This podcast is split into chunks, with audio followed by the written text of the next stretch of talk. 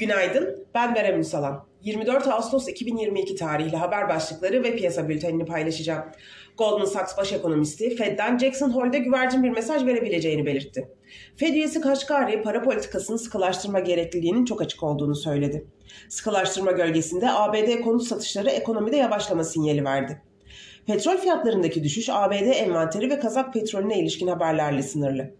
Asya Pasifik hisseleri ve Avrupa, ABD vadelileri düşüş risk iştahıyla geriliyor. Piyasalara genel olarak bakacak olursak, pay piyasalarında Borsa İstanbul yurt dışı borsalardaki satıcılı seyre rağmen Merkez Bankası faiz indirimi sonrası banka hisseleri öncülüğünde güçlü pozitif ayrışmasını ve yükseliş trendini devam ettiriyor.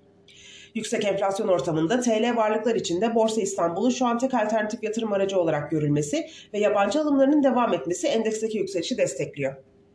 Yüksek enflasyon ortamında şirketlerin güçlü karlılığını devam ettireceği beklentisi ve değerleme olarak endekste halen potansiyel olması nedeniyle kar satışları yaşansa da bunun alım fırsatı olarak değerlendirilmesi ve yükseliş trendinin devam etmesi beklenmektedir. Ancak kısa vadeli rally sonrası endekste kar satışları yaşanma riskinin yükseldiğini, olası kar satışlarının ise kısa süreli ve sert gerçekleşebileceğini düşünüyoruz.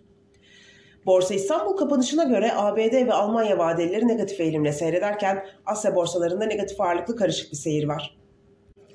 Teknik analiz verilerine bakacak olursak gün içinde 3093 ve altına gerileme trade amaçlı alım fırsatı, 3160 ve üzerine yükselişler ise kar satışı fırsatı olarak takip edilebilir.